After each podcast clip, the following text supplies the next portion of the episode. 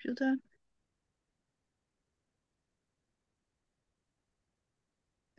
Vandaag heb ik een gast in de podcast en dat is logopediste Jolande. En die uh, ken je misschien van het boek Adembenemend. En uh, ze is ook heel actief op, uh, op social media. En we gaan het vandaag hebben over wat kan logopedie betekenen voor, voor jou met, met hyperventilatieklachten. Welkom Jolande. Kan je jezelf even kort voorstellen? Tuurlijk, leuk. Uh, dankjewel voor de uitnodiging. Leuk om hier te zijn. Ik ben uh, Jolande Kielstra en al heel lang logopedist, um, maar niet meer de traditionele logopedist die werkt met kinderen. Um, want logopedie is veel meer dan alleen maar werken met kinderen met uh, spraaktaalproblemen of kinderen die stotteren. Een heel groot gedeelte van de logopedie is ook mensen met stemklachten en mensen met ademklachten. En in die zin werk ik dus um, nou heel veel met deze groep. Eigenlijk is dat de groep waar ik alleen nog maar mee werk, met mensen met adem- en stemklachten. En naast logopedist ben ik ook ademtherapeut volgens de methode van Dixhoorn. Dat is een eh, wat specifiekere of een specifieke insteek. En ik ben ook yogadocent en in die twee uh, aspecten komt natuurlijk de adem ook uh, duidelijk naar voren. En daarnaast ben ik moeder van inmiddels drie volwassen, niet inmiddels drie, maar drie inmiddels volwassen kinderen. En uh, vrouw van Lex. En um, nou ja, hou ik van rijden in mijn Volkswagen busje en doe ik allerlei andere leuke dingen ook nog. Mooi. Dus we hebben genoeg om over te, over te gaan spreken vandaag. Ja. En je benoemde het al kort even, logopedie is veel meer dan alleen het behandelen van kinderen. Ik, ik had ook altijd het beeld van logopedie, dat weet ik, van mijn broertje die sprak vroeger niet helemaal goed en die moest dan naar de logopediste. Hè, om, om spraakoefeningen te doen en beter te leren spreken. Uh, later, ik heb een tijd in het verpleeghuis gewerkt en toen kwam ik er ook uh, ja, achter dat, uh, dat mensen na bijvoorbeeld een, een, hersenbloeding ook moeite met spreken hebben en dat de logopedie daar ook heel veel voor kan betekenen en mee doet. Um, maar ook heel veel met de ademhaling en dus ook met hyperventilatie. Daar gaan we natuurlijk uitgebreider over hebben. Want je zei het straks uh, in ons gesprek van tevoren al zo mooi. Uh, ja, zonder adem kan je ook niet spreken. En daarom is ja, voor de ademhaling goed te leren ademen, ademen en spreken is natuurlijk uh, ja, logopedie een hele goede manier ja, om hiermee aan de slag te gaan. En jij hebt je er veel verder in gespecialiseerd met uh, ook een, heel mooi boek geschreven. En inmiddels een online academie ook met cursussen en alles. En, maar hoe ben je erbij gekomen om, uh, ja, om je eigenlijk dan te gaan specialiseren in, verder in de adem? Ja, dat is grappig. Ik, uh, mijn, mijn, degene met wie ik het boek samen heb geschreven, Mirjam Helsper, um, die vroeg mij dat ooit ook. Van wat, wat, wat trekt jou nou zo in de adem? En vaak is het dat je zelf ergens tegenaan gelopen bent en dat je hebt besloten om dat pad te gaan uh, bewandelen. Maar dat is eigenlijk bij mij helemaal niet. Vanaf dag één, bij wijze van spreken, op de opleiding heeft het, uh, het onderwerp adem en stem mij het meest getrokken. Maar toen was het nog zo dat je je breed moest ontwikkelen en dat je vooral niet mocht specialiseren. Dat was ook echt, het werd, werd uh, niet toegejuicht als je dat wilde. Dus je moest je breed ontwikkelen. En um, toen op een gegeven moment, toen ging ik de yoga-opleiding doen. Omdat ik zelf uh, drie kleine kinderen, druk in mijn hoofd. Ik dacht, nou, wat, uh, wat kan mij eens helpen om wat rust te vinden? Dus ik dacht, uh, ik ga op yoga en dat vond ik leuk. En toen ging ik de yoga-opleiding doen.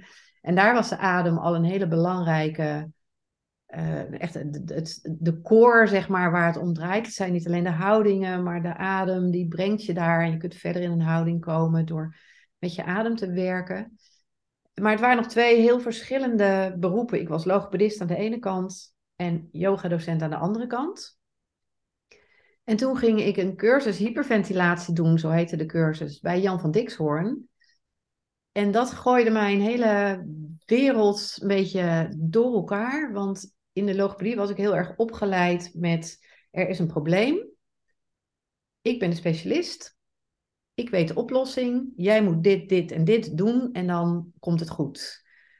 Jan van Dixhoorn is helemaal niet zo. Die zegt, jij loopt ergens tegenaan. Ik kan je misschien gidsen op het pad, maar ik heb een heleboel uh, oefeningen, maar ik weet niet welke oefeningen bij jou welk effect zal hebben. Dus we gaan samen uitvinden hoe ik jou kan helpen om de adem functioneler te maken. En dat was die, die uh, cursus hyperventilatie, die, nou ja, dat was echt voor mij een trigger. Ik dacht van, oh, hier wil ik meer over weten. Dus toen ben ik de opleiding uh, gaan doen bij Van Dixhoorn.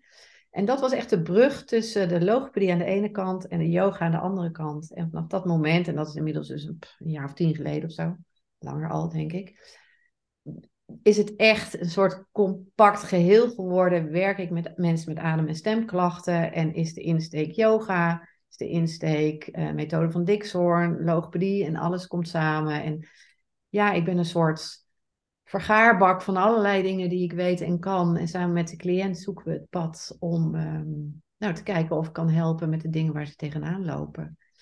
En een van de dingen bij mij is dat ik eigenlijk niet zo heel erg hou van de term hyperventilatie. Aan de ene kant omdat het enorm beladen is. Als mensen zeggen hyperventilatie, dan heb je een heel idee over wat er allemaal dan, dan bij hoort. En, uh, en vooral het acute, hè? Dat, dat beeld hebben mensen, precies, dat, dat benauwde, dat in paniek zijn. En, en dat, dat chronische hyperventilatie is natuurlijk gewoon een dat heel kennen mensen dan niet. Ja.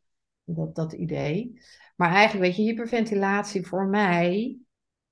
Kijk, als je de, de term vertaalt, hyper, ja. te veel ventileren, ademen te veel ademen voor dat wat je op dat moment aan het doen bent. Dus zit je op de bank en je ademt 20 keer per minuut, dan ben je aan het hyperventileren. Je ademt meer dan nodig. Ja. Terwijl je misschien helemaal niet in paniek bent of wat dan ook, maar je ademt wel meer dan nodig. Dus ik gebruik eigenlijk liever de term dysfunctioneel ademen. Ja. Omdat het niet passend is voor wat je aan het doen bent. Ja, je ademt te, te veel ja, ten opzichte van wat je verbruikt. Hè, zo benoem ik hem ook altijd. Ja, ja. en, en de, de, hyperventilatie is een hele beladen term, helemaal mee eens. En ook want hè, die diagnose die je dan soms krijgt bij de huisarts of uh, in het ziekenhuis, waar je je hyperventileert. Ja, maar daar herken ik mezelf helemaal niet in. Precies. En dat, uh, ja, ik heb helemaal geen stress en ik ben helemaal nee. niet gespannen. En, uh, ik adem ik... helemaal niet raar of te ja. veel, omdat je er helemaal niet bewust van bent dat je dat doet. Omdat we, ja, kijk, als je ook googelt op, op plaatjes bijvoorbeeld op hyperventilatie, en dan zie je meestal eerst Sheldon van de Big Bang Therapy in zo'n in zo'n zo'n zak uh, ademen. En verder zie je ook altijd mensen in zo'n zakje ademen. Terwijl het is natuurlijk heel veel meer. Ja. En dat is uh, ja, zo, zo, ontzettend belangrijk om te weten. Vooral als je ja, dat, die stempel krijgt en je klachten komen ja, door hyperventilatie. Ja, dan kan je het ook uh, dysfunctioneel ademen noemen. Ja. Dat is een, een wat lastige woord. Hè. Dysfunctioneel is dat je gewoon ja, niet goed ademt op dat moment. Niet passend, ja. ja. ja. Ja. En als je dan kijkt naar het linkje naar het spreken, um, dan zie je dat heel veel mensen bij het spreken dysfunctioneel ademen. Dus ja. ze zetten hun adem niet optimaal in bij het spreken. En krijgen daardoor klachten, niet zozeer de traditionele hyperventilatieklachten, hoewel er inderdaad ook mensen duizelig worden bij het praten of tintelende vingers. Dat, dat kan allemaal wel optreden. Maar bij een logopedist komen dan vooral de mensen die last hebben van hun stem, hees worden, schor worden, de stem valt weg. Ze krijgen keelpijn bij het praten of ze hebben het gevoel dat er iets in de keel zit. Globusklachten ja. uh, noemen ze dat. Dat, dat kuchje, dat. dat. Ja. Ja, ja, maar ook sommige mensen hebben echt het gevoel dat hun keel wordt dichtgeknepen. Ja. Of dat er altijd een soort aardappel in je keel zit of een stukje eten vast blijft zitten. Ja. Um, en dat zijn allemaal uh, aanwijzingen dat mensen hun, de, de, hun stem niet goed gebruiken.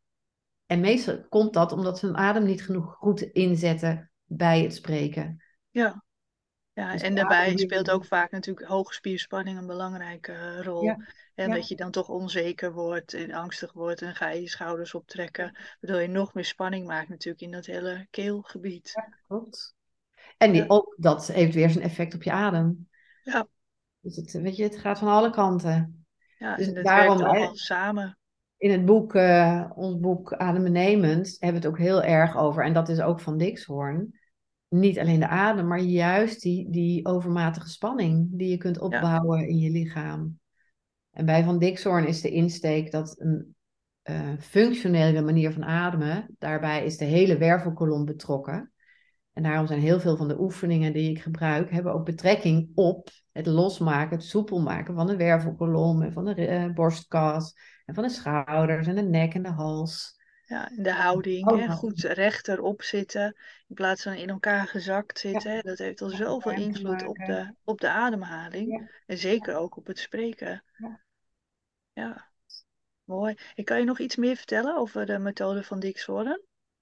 Um, nou ja, het, zijn oefeningen ook voor de wervelkolom. Het, het zijn ja, wat meer bewegingen. Ja, wat, wat het grote verschil is, kijk, je hebt, je hebt natuurlijk een heleboel ademmethodes om met de adem te werken. En een heleboel methodes zijn heel sturend. Zoals ik net vertelde over de logopedie. Dit is het probleem, dit zijn de oefeningen en dat is de oplossing. Ja.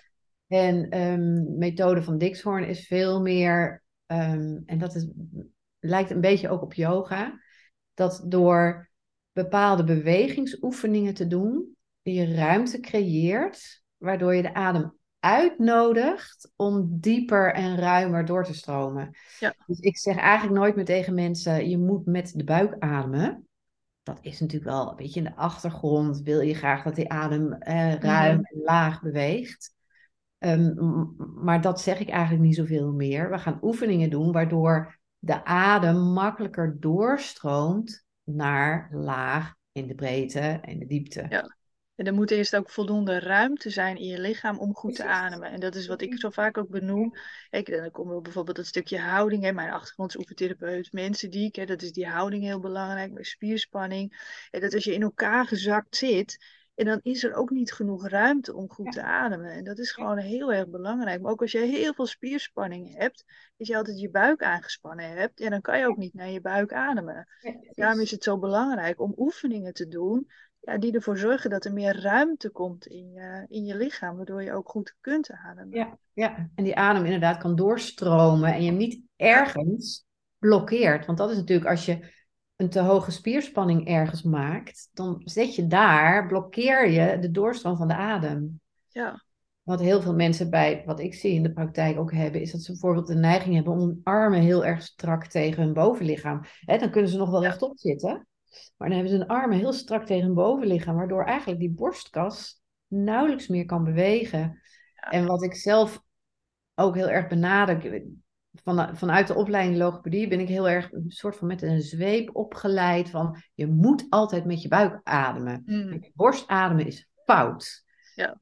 En dat is natuurlijk ook helemaal niet waar. Weet je, dat, dat, op sommige momenten is het heel functioneel om wel die borstademen in te Zeker, want als jij even snel moet lopen om de trein te halen, ja, dan is het gewoon normaal dat je in je borstkas ademt. En bij een volledige adem is het helemaal betrokken. Maar op het moment dat jij dus je armen heel erg klem zet tegen je uh, bovenlichaam, dan is er in die borstkas helemaal geen ruimte om te ademen. En dan ga je of nog hoger ademen en dan wordt het echt die schouderademhaling.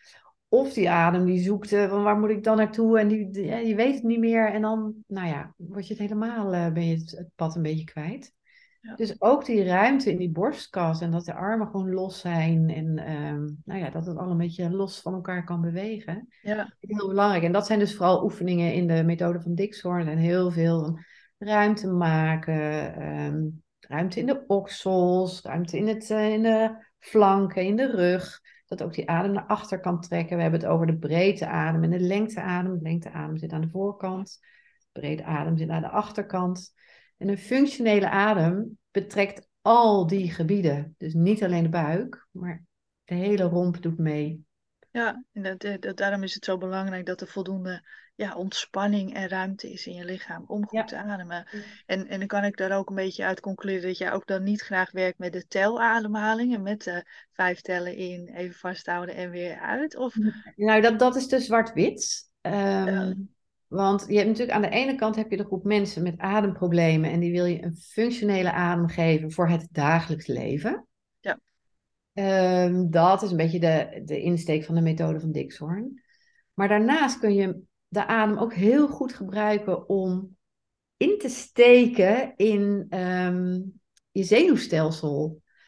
En um, dat soort oefeningen, dat in de yoga heet het pranayama's dat soort oefeningen kun je heel goed gebruiken om snel je systeem te ontspannen. Ja. Maar dan is dus een, een oefening, een middel om op dat moment ergens te komen. En het is niet een manier om uiteindelijk een ontspannen, functionele manier van adem te hebben. Ja.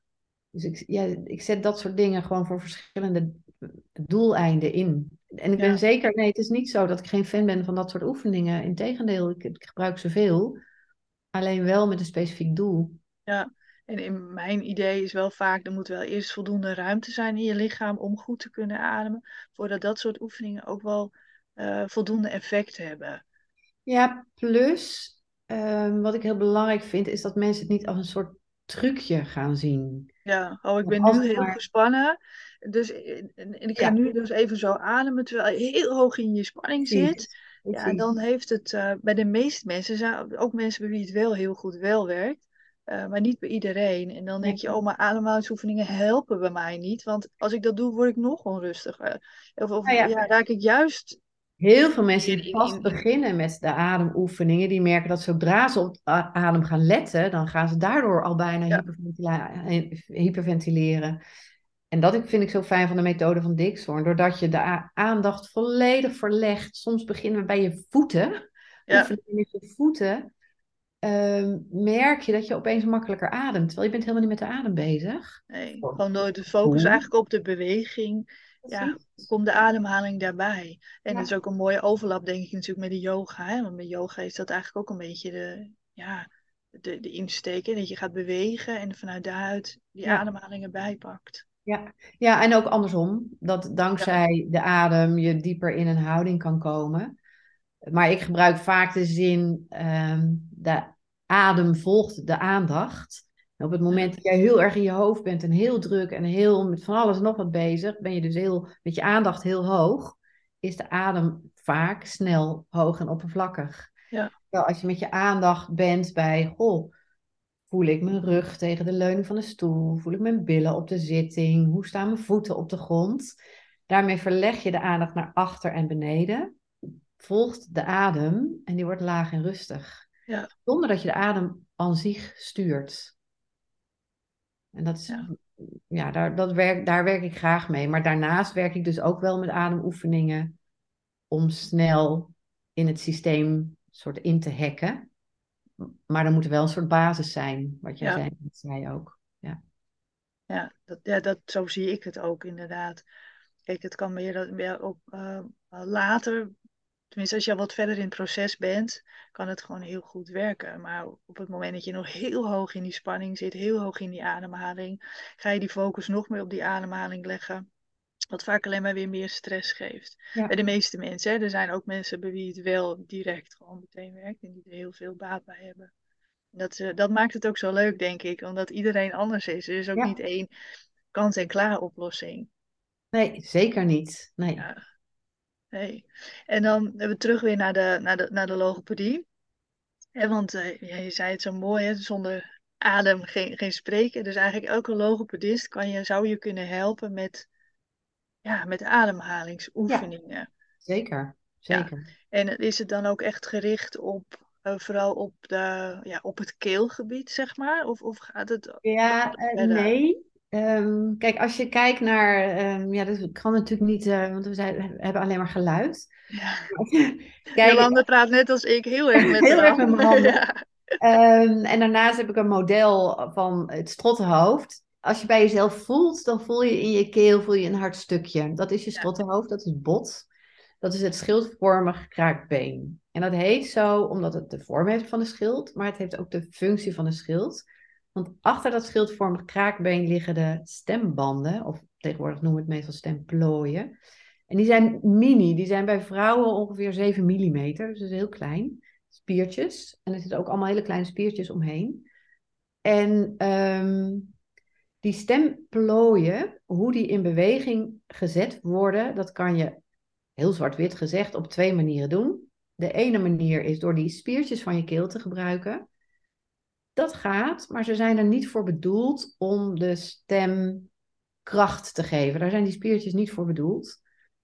Uh, en dat ga je merken. Als je dat echt veel doet, dan ben je aan het eind van de dag ben je moe in je keel, of valt je stem weg, of je wordt schor, of je wordt hees, je krijgt keelpijn.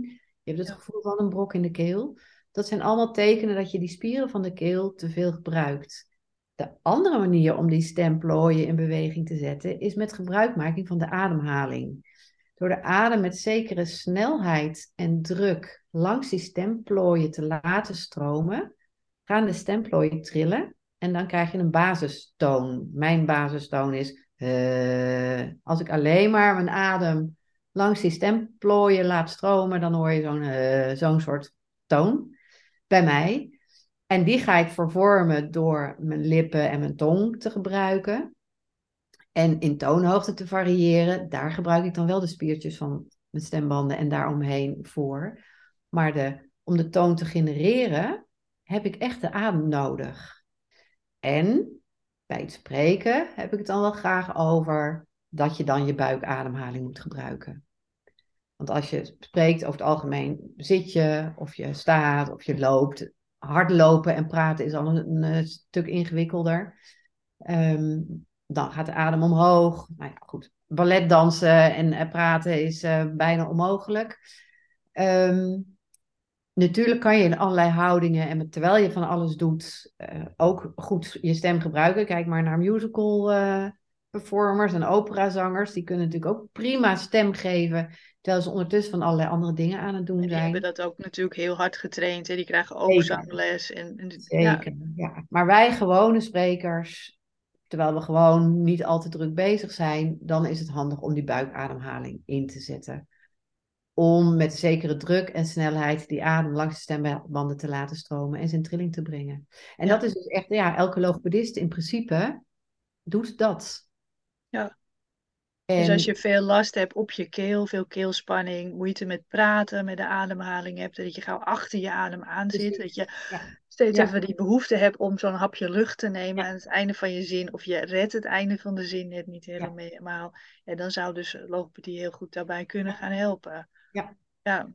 Nou ja, sowieso, kijk, die adem, wat een heleboel mensen doen, dus het is goed dat jij dat even aanstipte, wat een heleboel mensen doen als ze gaan praten is, ze beginnen met een flinke teug lucht, gaan dan praten en al pratend begint die adem op te raken. Maar ja, hun verhaal, ik ben het nu aan het voordoen, hun verhaal is nog niet helemaal afgelopen. En trouwens, er is nog van alles wat ik wil gaan vertellen. En nu begint mijn adem op te raken, maar ik denk, ik ga toch nog even lekker door. En ik pers het er gewoon uit. En op een gegeven moment moet je ja, dan voel je ook, en je hoort het ook aan iemands stem, en die wordt steeds een beetje meer geknepen. En je merkt echt dat je, je krijgt het er zelf vaak ook benauwd van als je naar zo iemand moet luisteren. Dat je echt denkt, wat, oh, nou, eigenlijk, eigenlijk wat mensen gewoon moeten aanleren, is als je zou opschrijven wat je zegt, dan zet je, nou is misschien een leuke vraag aan jou trouwens, even tussendoor. Heb jij enig idee hoeveel woorden een goede spreker gemiddeld op één adem zegt? Oh, geen idee. Uh... Nou, doe eens een leuke gok. Hoeveel woorden? Een goede spreker. Een getrainde, dus een, een getrainde spreker. Jeetje, als ik bij mezelf zou moeten gaan tellen, dan zou ik ja, woord of tien, denk ik, twaalf. Ja, een goede spreker zegt ja? gemiddeld 7 tot 10 woorden. Oh, 7 tot 10, ja. Een, het gros van de mensen dat bij mij komt. Ik had verwacht dat ik te laag zou zitten, dus vandaar nee, ik naar die 12 nee, ging. Maar mijn eerste nee, nee, maar zo'n woord of 10. Maar... Het gros van de mensen die bij mij komen, die zeggen wel 20 tot 30 woorden op een ja. Als je zou opschrijven, nu pak ik weer even terug waar ik net uh, op inhaakte. Als je zou opschrijven wat je zegt, dan zegt, zet je om de 7 à 10 woorden wel een leesteken. Ja. Een komma of een punt. En als er geen leesteken staat, dan staat er een voegwoord. En dat is niet voor niks. Dat zijn pauzes. Ja. En als je jezelf zou aanleren om die pauzes te benutten om adem naar binnen te laten komen, en dat is een belangrijke, om adem naar binnen te laten komen, dan komt er elke 7 à 10 woorden steeds zoveel adem naar binnen als er net naar buiten is gegaan. En raak je nooit buiten adem. Als je het verkeerd doet en je gaat te lang door op een adem, dan moet je adem gaan halen. Dan zie je inderdaad die mensen zo'n teug lucht nemen. Maar de, de, de kern van adem en spreken is dat je tijdens het praten het middenrif aanspant zodat je bij de punten en de komma's het middenrif kunt ontspannen, ja. waardoor het, de longen groter worden en er vanzelf lucht naar binnen stroomt. Daar hoef je niks voor te doen. Het enige wat je moet doen, is tijdens het praten dat middenrif aanspannen. En dat kunnen we eigenlijk alleen maar doen middels de buik. Want het middenrif sturen, dat is heel ingewikkeld. Maar via de buik het sturen is wat makkelijker. Dus als mensen aanleren om de buik of de flanken aan te trekken tijdens het spreken gedurende 7 à 10 woorden, het te ontspannen tijdens de pauzes, dan stroomt bij elke pauze de adem naar binnen en raak je nooit buiten adem bij het praten. Nee, dus vooral veel rustiger willen praten ook. En waardoor het niet zo opvalt dat je zo'n ademtuigje neemt. Ja. Of ja. ademtuigje gewoon weer ademt. Ja. En vaak hebben we het idee dat, we, dat die adem dan meteen zo groot moet zijn. Ja. Even extra, zodat je het ook hoort. Maar weet je, in plaats van dat het gewoon ja, niet opvalt dat je, dat je, dat je ademt. Ja, en wat ik, daar ben ik een beetje een frik in, maar weet je, je hoeft adem niet te halen. We hebben het over de ademhaling, maar dat vind ik eigenlijk een heel vervelend woord. Je hoeft de adem niet te halen. Die adem Nee. komt vanzelf wel. Als, als ik eh, slaap of ik val flauw, dan pakt mijn lichaam die ademhaling prima op. Daar hoef ik niks voor te doen. Nee, gelukkig.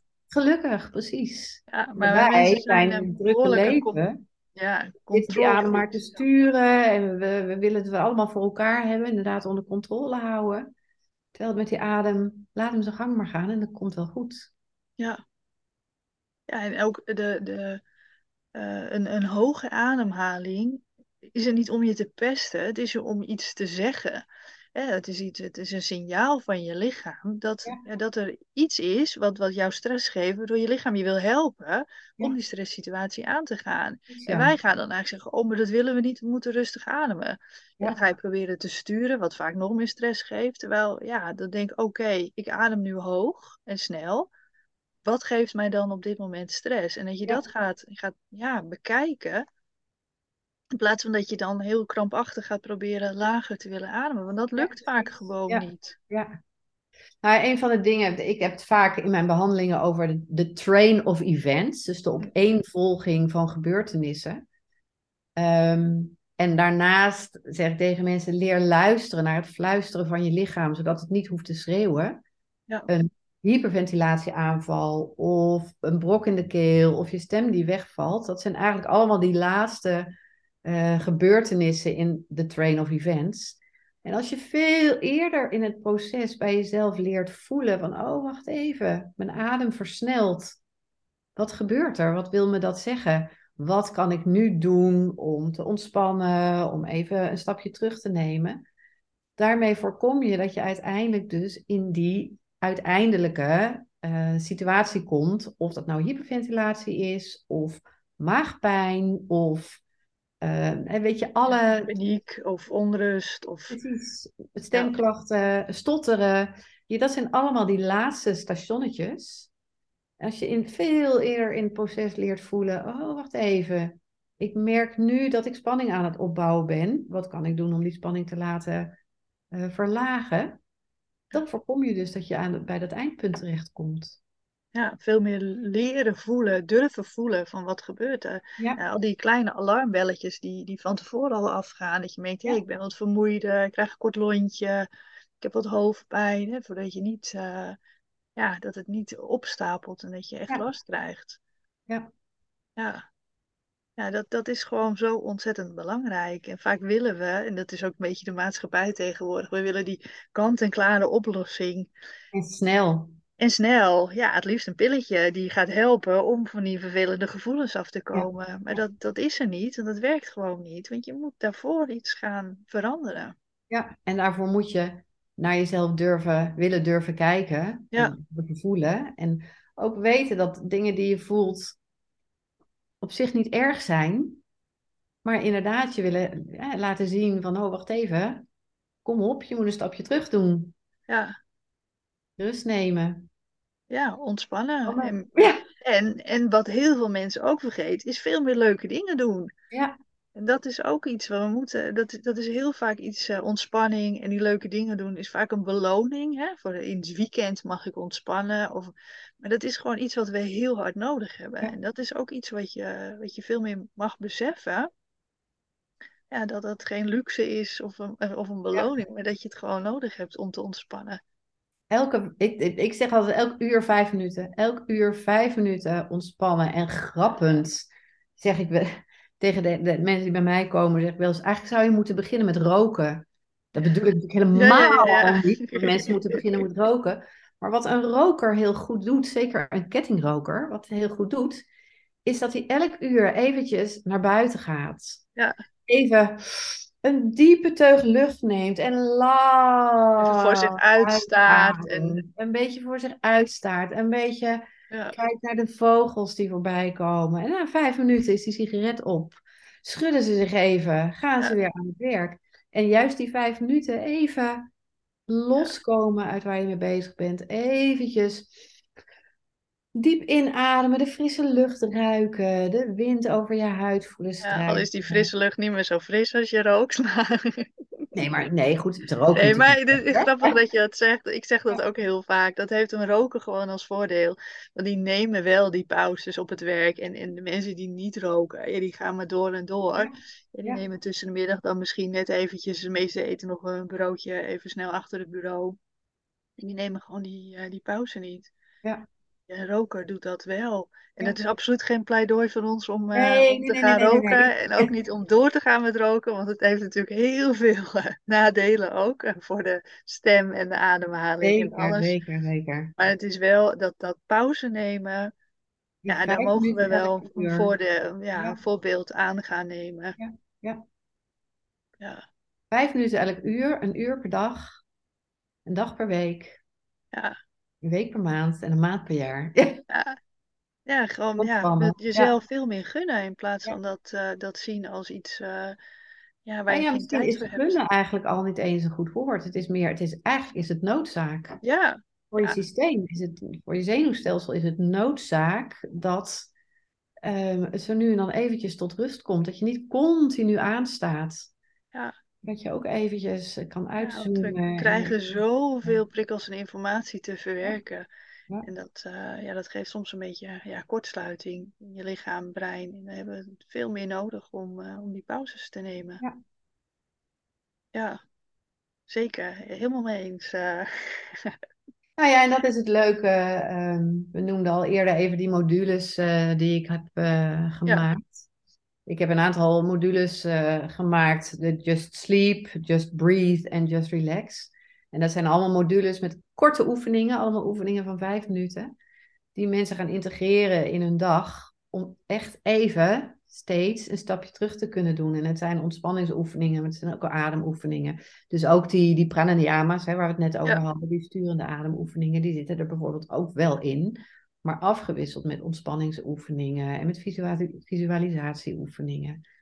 Gewoon om even een stapje terug te doen en vijf minuten pauze te nemen. Juist die korte oefeningetjes kunnen korte. zoveel effect hebben. Ja, En ja. hoop mensen zeggen altijd, ja, ik heb geen tijd om te oefenen. Ja, dat is natuurlijk gewoon onzin, want die vijf minuutjes hebben we wel, maar die kunnen we ook op ons telefoon scrollen. Ja, en dat, eh, dat, eh, dat heb je gewoon nodig. Ja, plus als je dan, hè, bij sommige mensen, dan helpt ook nog het idee dat die- het feit dat je die vijf minuten pauze neemt, maakt dat je de periode daarna effectiever werkt. Zeker, ja.